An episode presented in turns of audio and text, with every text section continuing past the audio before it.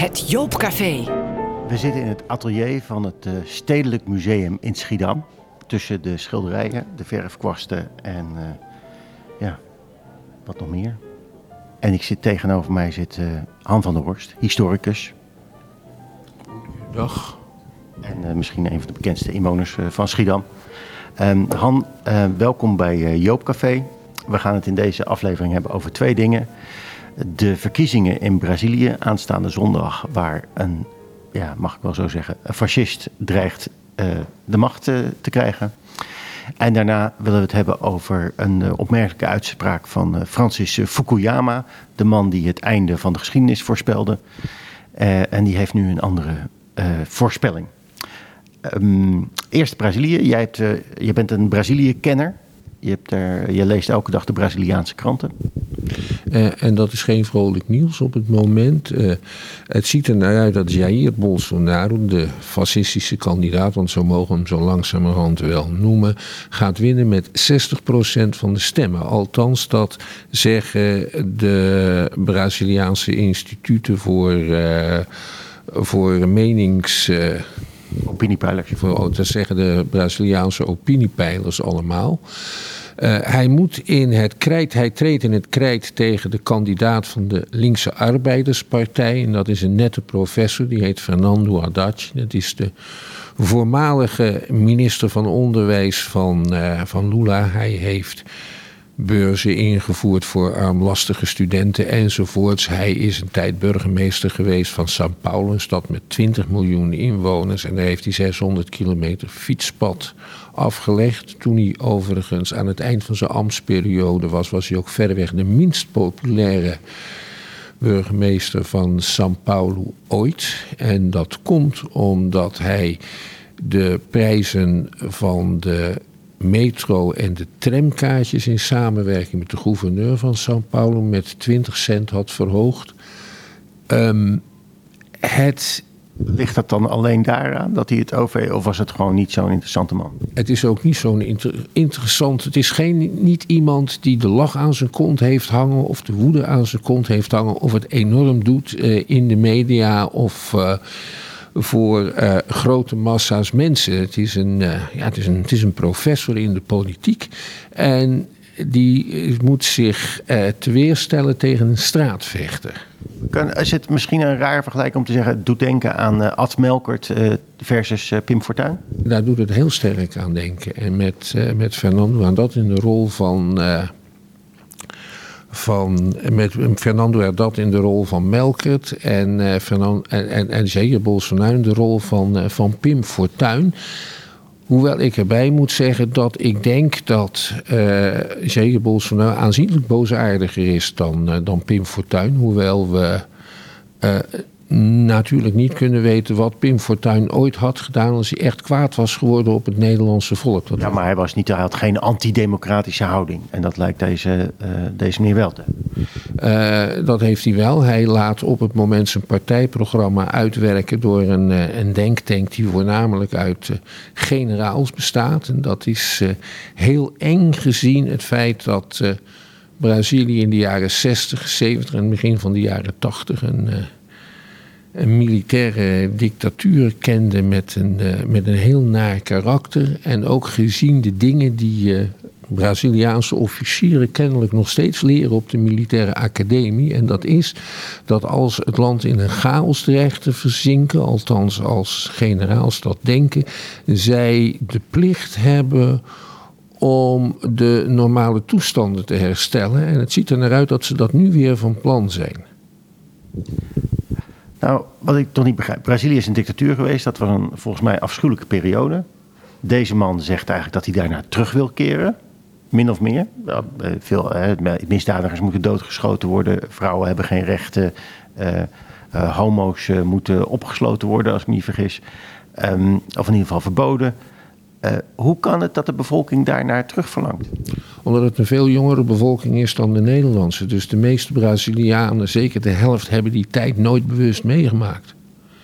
Bij ons is denk ik de helft van de bevolking 50 jaar en ouder. En in Brazilië is het gedeelte ouderen veel kleiner. En de levensverwachting is ook ehm, lager dan in Nederland. En dat betekent dat er veel minder mensen zijn die dit aan de lijve hebben ervaren. En je ziet ook dat juist ouderen die het zich nog wel herinneren, zich heel sterk tegen deze Bolsonaro richten. Je kan dat uh, bijvoorbeeld merken aan, uh, aan de wereld van de muziek. De wereld van de muziek in Brazilië was altijd heel gepolitiseerd en een erg anti-militair regime. En uh, een grote ster, Daniela Mercury, eigenlijk is dat een ster van de jaren 80, die zal nu een jaar of 60 zijn, die roept haar jonge collega's, bijvoorbeeld de heel beroemde rapzangeres en funkzangeres Anita, op om zich politiek uit te spreken en wel tegen Bolsonaro. Dat weigert ze. Dat doet ze niet. En hoe komt dat?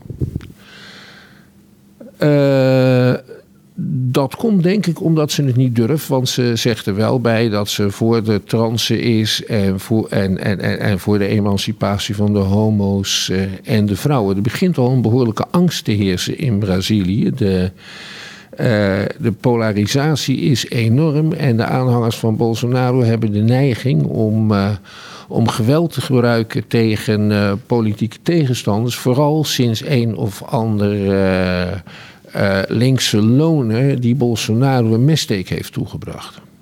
Een aantal weken geleden, wat hij heeft overleefd en waarvan hij geheel is hersteld. En dat, daardoor is hij nog populairder geworden dan hij al was. Uh, hij stelt zich uh, de laatste dagen gematigd op. Gisteren heeft hij gezegd dat hij niks tegen homo's heeft, maar dat hij ook niet vindt dat je over homoseksualiteit en dat soort onderwerpen les moet geven op school. En dat komt nadat hij van de, uit de generaalzoek een wenk heeft gekregen om uh, een tandje, uh, om een klein toontje lager te zingen. Nou, staat er tegenover staat die Haddad. Uh, Ralf Hakkert die schreef uh, vrijdag een, een, stuk op Joop. die woont in Brazilië. die, die, die zegt van ja, die, de, de oppositie heeft eigenlijk een grote fout gemaakt door te zeggen: Haddad is hetzelfde als Lula. Ja, omdat Lula in de gevangenis zit, omdat hij een appartement zou hebben aangenomen in het kader uh, van een of andere onduidelijke deal. Uh, de bewijsvoering daarvoor is overigens zwak, maar het is wel zo dat de arbeiderspartij in de acht jaar, tien jaar dat ze aan de macht zijn geweest, landelijk niet vrij bleek uh, van corruptie. Uh, je moet wel beseffen dat corruptie is heel erg endemisch in Brazilië. En er is nog een ander belangrijk besef. En dat is dat Brazilië een buitengewoon gewelddadig land is. Van nature. Dat is al even zo. Dat er een enorme klassenscheiding is. En dat wat er zal gebeuren uh, als Bolsonaro aan de macht komt, dat is het volgende. En dat is dat de linkse en de liberale middenklasse, als die in handen van de politie valt, zal die net zo behandeld worden als nu al, al en al even de gewoonte is met de bewoners van de Krottenwijk. En dan word je namelijk in elkaar getremd en gemarteld net zolang tot je bekend. Maar um, je, de Hakkert zei ook van ja, Lula is niet zo populair als de arbeiderspartij denkt dat hij is. Mensen moeten daar eigenlijk niks meer van hebben. Die willen dat. En daarmee ga je niet winnen. En ze hadden beter, die had dat naar voren kunnen schrijven als iemand die onafhankelijk is, die zelfstandig is. Maar ik begrijp van jou dat hij eigenlijk sowieso kansloos is omdat hij weinig indruk maakt. Nou, hij haalt denk ik 40% van de stemmen. Dat is uh, niet zo kansloos. Uh, Bolsonaro staat op 56 uh, procent. Um, ik weet niet of Ralf daar gelijk in heeft. Aan de andere kant, ik zit hier in Schiedam en hij woont er al 40 jaar. Um, is het dan, ik snap dat, ja, het klinkt misschien gek, maar mensen kiezen dus voor een president die prat gaat op geweld, die prat gaat op het afschaffen van de democratie, die, uh, ja, die eigenlijk tegen alle vrijheden is.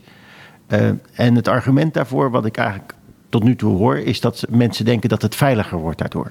Ja, waarom denk je dat mensen hier op Wilders stemmen? Die stemmen op Wilders een bloedhekel hebben aan moslims. En dat ze dat uh, in hun dagelijks leven erg veel geld gaat kosten. Omdat Wilders uh, eigenlijk een uh, totale neoliberaal is. Behalve zijn haat tegen, tegen moslims. Dat maakt gewoon 20% van de Nederlandse. Nee, nou niet overdrijven. 10% van de Nederlandse kiezers weinig uit.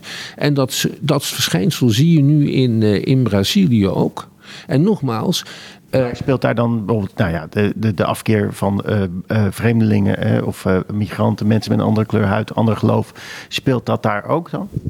nou, het is wel zo dat in het zuiden mensen uit het noordoosten, het armste gedeelte van het land, heel erg worden gediscrimineerd en, en ook wel gehaat. Er is een traditioneel een emigratiebeweging van de mensen uit het Noordoosten. Een gebied waar uh, ja, 50 jaar geleden nog hongersnoden voorkwamen.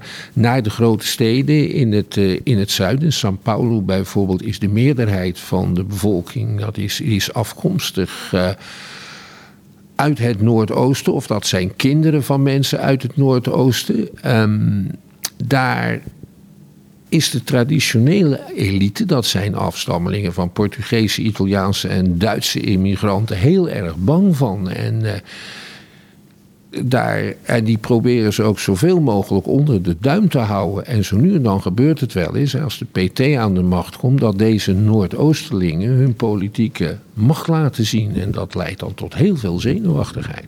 En is, dat, is, is hij dan in het Noordoosten niet zo populair, die, uh, die Bolsonaro? Nee, in het Noordoosten. Uh, het Noordoosten heeft ook veel aan de PT gehad. Uh, Lula zelf is iemand uit het Noordoosten. Die is als kind meegenomen al naar, naar São Paulo, daar fabrieksarbeider geworden en heeft zich opgewerkt. maar dat is, een, dat is een belangrijke tegenstelling. In het Noordoosten zal hij wel niet winnen, hoewel hij wel uh, poseert met een, een heel raar soort hoofddeksel, leren hoofddeksel op van de Kangacero's. Dat zijn een legendarische Robin Hood-achtige figuren, althans die reputatie hebben ze. Bandieten die in het Noordoosten voor de oorlog rondzwierven en die een heldenstatus hebben gekregen, ongeveer eh, zoals de hoofdpersoon uit Once Upon a Time in the West en de Kangacero's. Er zijn ook prachtige films over gemaakt en die traditie probeert Bolsonaro in het Noordoosten stemmen te winnen. En in werkelijkheid waren die, uh, die, die, die Kangacero's ook echte bandieten. En dat had weinig met, eh, met Robin Hood te maken, maar meer met persoonlijke tegenstellingen, wraaknemingen enzovoorts. Als uh, Bolsonaro gekozen wordt zondag, nou, dan gaat hij een heel, waarschijnlijk een heel rechts regime vestigen. Hij zegt hij gaat andersdenkenden onderdrukken. Dat heeft Brazilië eerder meegemaakt. En dat heel Latijns-Amerika, zou je kunnen zeggen, heeft dat meegemaakt. Daar hebben allemaal rechtse, al niet militaire dictaturen gezeten. En dat leidde tot ook ehm, ja, uh, linkse opstanden. Hè. Mensen gingen naar de wapensgrijpen. De stadsguerrilla is daar uitgevonden, zo'n beetje door, in Uruguay. denk je dat dat risico bestaat dat dat weer gaat gebeuren? Dat, uh, dat zou best wel kunnen. Aan de andere kant zijn de tijden veranderd. Er is geen uh, alternatieve leer meer die iedereen durft uh, omhelzen. En dat was in de jaren 60 en 70 de bevrijdingstheologie van de katholieke kerk en de Um, en het marxisme-leninisme van Cuba, hè, de guerrilleros van, uh, van Brazilië. Want in Brazilië is het handboek voor de stadsguerrilla geschreven door Carlos Marighella, een aanbevelenswaardig boekje. En ik geloof dat het verboden is, of niet? Ik geloof, nee, het is in Nederland niet verboden. Dat weet ik wel zeker. En anders kun je het op het internet altijd uh, wel vinden. Um, dat marxisme als zodanig, dat bestaat niet meer. Uh, als we gaan als we gaan kijken naar Midden-Amerika, waar je ooit de Sandinisten had, eh, die zijn volkomen gediscrediteerd. In eh, El Salvador had je een hele grote linkse guerrilla. Nadat er een eh, verzoening is gekomen in dat land, waren zowel de rechtse als de linkse guerrilleros werkloos. Met als, met als gevolg dat er een enorme maffia is ontstaan, die heel, heel erg gevaarlijk is en de hele staat ondermijnt. En een van de redenen is waarom die duizenden mensen nu in de richting van de Verenigde Staten aan het vluchten zijn. En neem Venezuela met Maduro. Dat is geen, uh, geen kattenpis als het gaat om het in discrediet raken van links. Venezuela, buurland van Nederland. En uh, Nederland heeft het altijd zo over opvang in de regio. Maar dat valt een beetje tegen als de vluchtelingen uit Venezuela zich in de regio opvang zoeken op Curaçao, nietwaar? Nee, maar goed, de, de, de, de, bezig zijn. er zijn. Er zijn in veel andere, uh, op een gegeven moment waren in alle uh, uh, Latijns-Amerikaanse landen ongeveer linkse regeringen aan de macht. Dat is, in Venezuela is dat op een puinhoop uitgedraaid door vooral de opvolger van Chavez. Maar Chavez zette daar wel een beetje de koers voor. Um, maar dat is in andere landen niet gebeurd. Nee, maar daar is links wel uitgeregeerd geraakt. Dat is in Chili gebeurd, dat is in Peru gebeurd. Um, dat is in, uh, in Argentinië gebeurd, voor zover in het Peronistische regime, wat, uh, wat daar in het begin van de jaren van deze eeuw aan de macht was, uh, links kunnen noemen. Um, die linkse regeerders hebben dat op een beetje nette den uilachtige manier geprobeerd. Ze waren gematigd.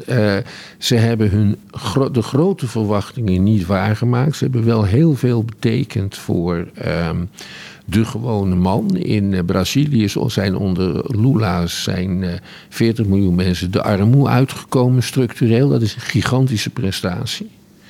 Maar uh, het paradijs is niet uitgebroken en het paradijs was altijd beloofd. Opnieuw belooft Bolsonaro nu het paradijs. Maar iedere politicus die macht wil verwerven, belooft toch een paradijs? Dat is zo. Maar links wordt er altijd meer op afgerekend, valt mij op. Oké, nou dan komen we bij het tweede onderwerp. Dat is uh, Franse Fukuyama. Ik las een interview met hem in de New Statesman. Dat is een, een uh, Britse opinieblad. Hij heeft een nieuw boek geschreven. En hij is degene geweest die uh, ooit als lid van een neoconservatieve denktank zei van nou het einde van de geschiedenis is bereikt. Dat was in 1992. Overal na de val van de muur is overal ja, de westerse liberale democratie gevestigd. Het communisme is ten einde en dit is de wereld zoals die is. Nou, als er ooit een, zeg maar een voorspelling is geweest die niet uitgekomen is, was het wel die. En hij zegt nu, in, hij zegt ja, hij, heeft, hij is daar ook van teruggekomen. Hij zegt ook ja, ik heb al toen ik dat boek schreef, waarin ik die voorspelling deed, gezegd van wacht even, dat kan eigenlijk alleen maar misgaan. Want die liberale democratie, die gebaseerd is een beetje op het neoliberalisme zou je kunnen zeggen, die biedt mensen geen houvast. Die vertelt ze niet hoe je moet leven, wat je eigenlijk moet doen, behalve dan consumeren. En daarom zegt hij nu, zou het goed zijn als het socialisme zou terugkeren. Dat is een beetje eigenlijk tegengesteld aan wat er nu in Latijns-Amerika aan de hand is. Dat is ook zo. En uh, de vraag is dan natuurlijk wat hij dan precies onder het socialisme verstaat. Dus sociaaldemocratie, want hij zegt dus nou, hij zegt, het gaat er niet om dat alle productiemiddelen uh, in handen zijn van uh, de staat, wat het klassieke socialisme is. Maar uh, bijvoorbeeld wel ja, de overheidsdiensten natuurlijk, de nutsvoorzieningen. En hij zegt, je, je hebt wel een soort uh, overheid nodig die een tegenkracht is en die bijvoorbeeld zorgt voor herverdeling van welvaart. Uh, ja, nou daar is hij dan, dan is hij een late bekeerling, maar in het Rijk der Hemelen is meer vreugde over één bekeerling dan, uh, dan over honderd rechtvaardigen. En er zijn niet zo verschrikkelijk veel van die rechtvaardigen meer. Wat wel zo is, is dat we na 30 jaar neoliberalisme de de nare kanten daarvan uh, beginnen te zien. Bijvoorbeeld uh, dat grote economische machten ontstaan die de democratie ondermijnen.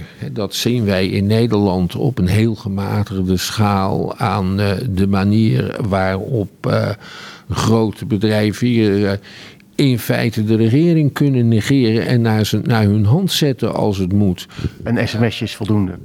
Wat? Een sms'je is voldoende. Een sms'je is voldoende. Kijk ook naar, uh, naar Italië, dat nu een, uh, een, een, een begroting heeft met een tekort wat is nog geen 3% van, uh, met een tekort van nog geen 3%. Dat was ooit het maximum wat je mocht hebben. Dat was iets wat had Nederland standaard.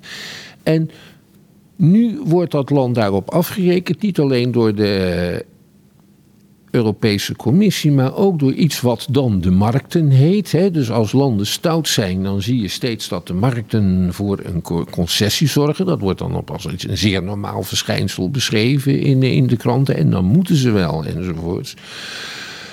Uh, dus je ziet dat uh, democratie en volledige economische anarchie, ik noem het liever anarchie dan, uh, dan vrijheid, dat die. Uh... Totale vrije markt is in strijd met de democratie. Ja. Uh, nou, daar heb, je, daar heb je het grootste gelijk van de wereld in en ook van de vismarkt. Maar op de een of andere manier dringt dat op het moment slecht door tot de publieke opinie. En wanneer de mensen zich op het moment daadwerkelijk gaan verzetten tegen dit soort machten, dan kiezen ze niet zozeer voor sociaaldemocraten, want de sociaaldemocraten hebben ons verraden in de afgelopen twintig jaar, maar voor allerlei populistische kannegieters die het paradijs beloven en zeggen dat ze een einde zullen maken aan, uh, aan alle onrecht. En dan dan gaan ze mee met allerlei primitieve denkwijzen. En dat is bijvoorbeeld als men in Nederland woningnood heeft laten ontstaan op grote schaal. Wie zijn daar dan de schuld van? Niet degene die de woningnood hebben laten ontstaan. Uh, maar nieuwkomers op de woningmarkt zijn er bijvoorbeeld uh, asielzoekers. En de machthebbers in dit land, die zijn dan ook nog in staat om uh, de onderkant, de verschillende groepen de onderkant tegen elkaar op te zetten. Bijvoorbeeld door niet extra huis te bouwen voor die asielzoekers, maar ze voorrang te geven op de markt. Zo werkt dat. Er, is, eh, er op de een of andere manier lijkt er nog te weinig. Ja, uh, Jesse Klaver, uh, Lilian Marijnissen, Ascher af en toe, maar je weet bij Ascher nooit zo goed waar, waar je aan toe bent. Die proberen wel een ander verhaal daar tegenover te zetten, maar dat is, zou je kunnen zeggen, nog niet sterk genoeg. Dat heeft zich nog niet ontwikkeld. Nou zegt Fukuyama, die zegt ja, ehm, als de Verenigde Staten straks instort, wat economisch instort. Ehm, en hij heeft het dan over een periode van 30 jaar, want hij kijkt vooruit. Hij zegt het zou zomaar kunnen dat straks mensen in China rijker zijn dan in de Verenigde Staten. Dat ze het beter doen, dat China het beter doet dan de Verenigde Staten. En dan is het alternatief dus voor de liberale democratie ja, een soort staatskapitalisme met een uh, partij die uh, iedereen controleert en uh, dan is, bestaat de kans dat mensen daarvoor gaan kiezen. Denk jij dat dat kan? Uh, dat zou best kunnen. Je moet trouwens uh, je niet vergissen in de belangrijke rol die de staat ook in het Westen in de economie heeft, heeft gespeeld. Dat moeten we nu in het kader van de neoliberale vergetenachtigheid maar achter ons laten. Maar als je in een land als Frankrijk gaat kijken, Renault en Citroën, dat waren staatsbedrijven. De hoogovens in Nederland en de mijnen, de belangrijkste mijnen, dat waren staatsbedrijven. En die waren al in 1920 als staatsbedrijf opgericht, omdat de overheid vond dat een land als Nederland zijn eigen staalproductie nodig had. En als de vrije markt dat niet deed, dan deed de overheid dat. Dat was heel normaal. En het was ook heel normaal als de politiek zei: alle politieke partijen, behalve de liberalen, maar die hadden drie zetels in het parlement, dat je de economie moest ordenen. En dat iedereen een kans moest krijgen. Dus, dus die, die, die, die, die, vrije markt, dat, dat is ook. En dat die vroeger er was en dat het allemaal zo geweldig is, allemaal gelul. Dat is gewoon niet waar. Dat is nooit zo geweest. Hij is er nu gekomen en we lopen nu tegen de problemen aan van die vrije markt. Zoals, wij ja. krijgen, krijgen van, uh, dan te horen van de VOC en de VOC-mentaliteit. De VOC was geen staatsbedrijf, maar wel een monopoliebedrijf. Die, die, in feite door de staat was opgericht. Dus de gedachte van dat, dat, dat Chinese staatskapitalisme, dat is helemaal niet vreemd en niet uniek. Dat is zelfs in feite normaler dan, uh, dan onze vreemde dromen over de vrije markt. Maar wat wel abnormaal is, is dat je daar een partij hebt die dat je geen democratie hebt. Ja. Het kan, ook zonder, het kan ook met democratie. Dat hebben we in West-Europa afdoende bewezen. Maar dat, ja, dat was in de, in, in de dagen van uh, de Van de sociaal-democratie. en dat was ook in de dagen van Drees die dan tegenwoordig wordt aangevoerd als de verstandige sociaaldemocraat die er nu niet meer is. Drees was in zijn tijd trouwens een, voor een groot deel van de bevolking zeer gehate persoon. Juist omdat hij dit soort economische modellen tot uitvoering bracht. Dat weet Paul Scheffer niet meer en als hij het wel weet, deugt hij niet. Oké, nou laten we het daarbij, want we gaan het niet over Paul Scheffer hebben. Dat is we zijn mee, hiermee gekomen aan het einde van het Joopcafé. Als ik het zo mag samenvatten, eh, in, de, in Brazilië zie je dat uh, extreem rechts opkomt, net als in andere landen. Ehm, de democratie loopt gevaar. En Fukuyama zegt het enige alternatief is misschien wel China. Ja, en dat is het niet, uh, want er zijn andere alternatieven. En wat Brazilië betreft, beseft dit is een zeer belangrijke economische macht. Dit land heeft 220 miljoen inwoners. Er zijn meer Portugees sprekende Zuid-Amerikanen dan Spaans sprekende Zuid-Amerikanen, als je Mexico niet meetelt. Dus het is een heel belangrijke ontwikkeling. Dit is net zoiets als Hitler die aan de macht komt in één land. Ja, Brazilië is bijna net zo groot als de Verenigde Staten. Ongeveer de helft van de Europese Unie. Um, zondag weten we wat er gaat gebeuren. Dankjewel, Han van der Horst. U dank u wel voor het luisteren. Heeft u opmerkingen, mail ze naar redactie.joop.nl. Dat vinden we altijd fijn. En uh, tot volgende week.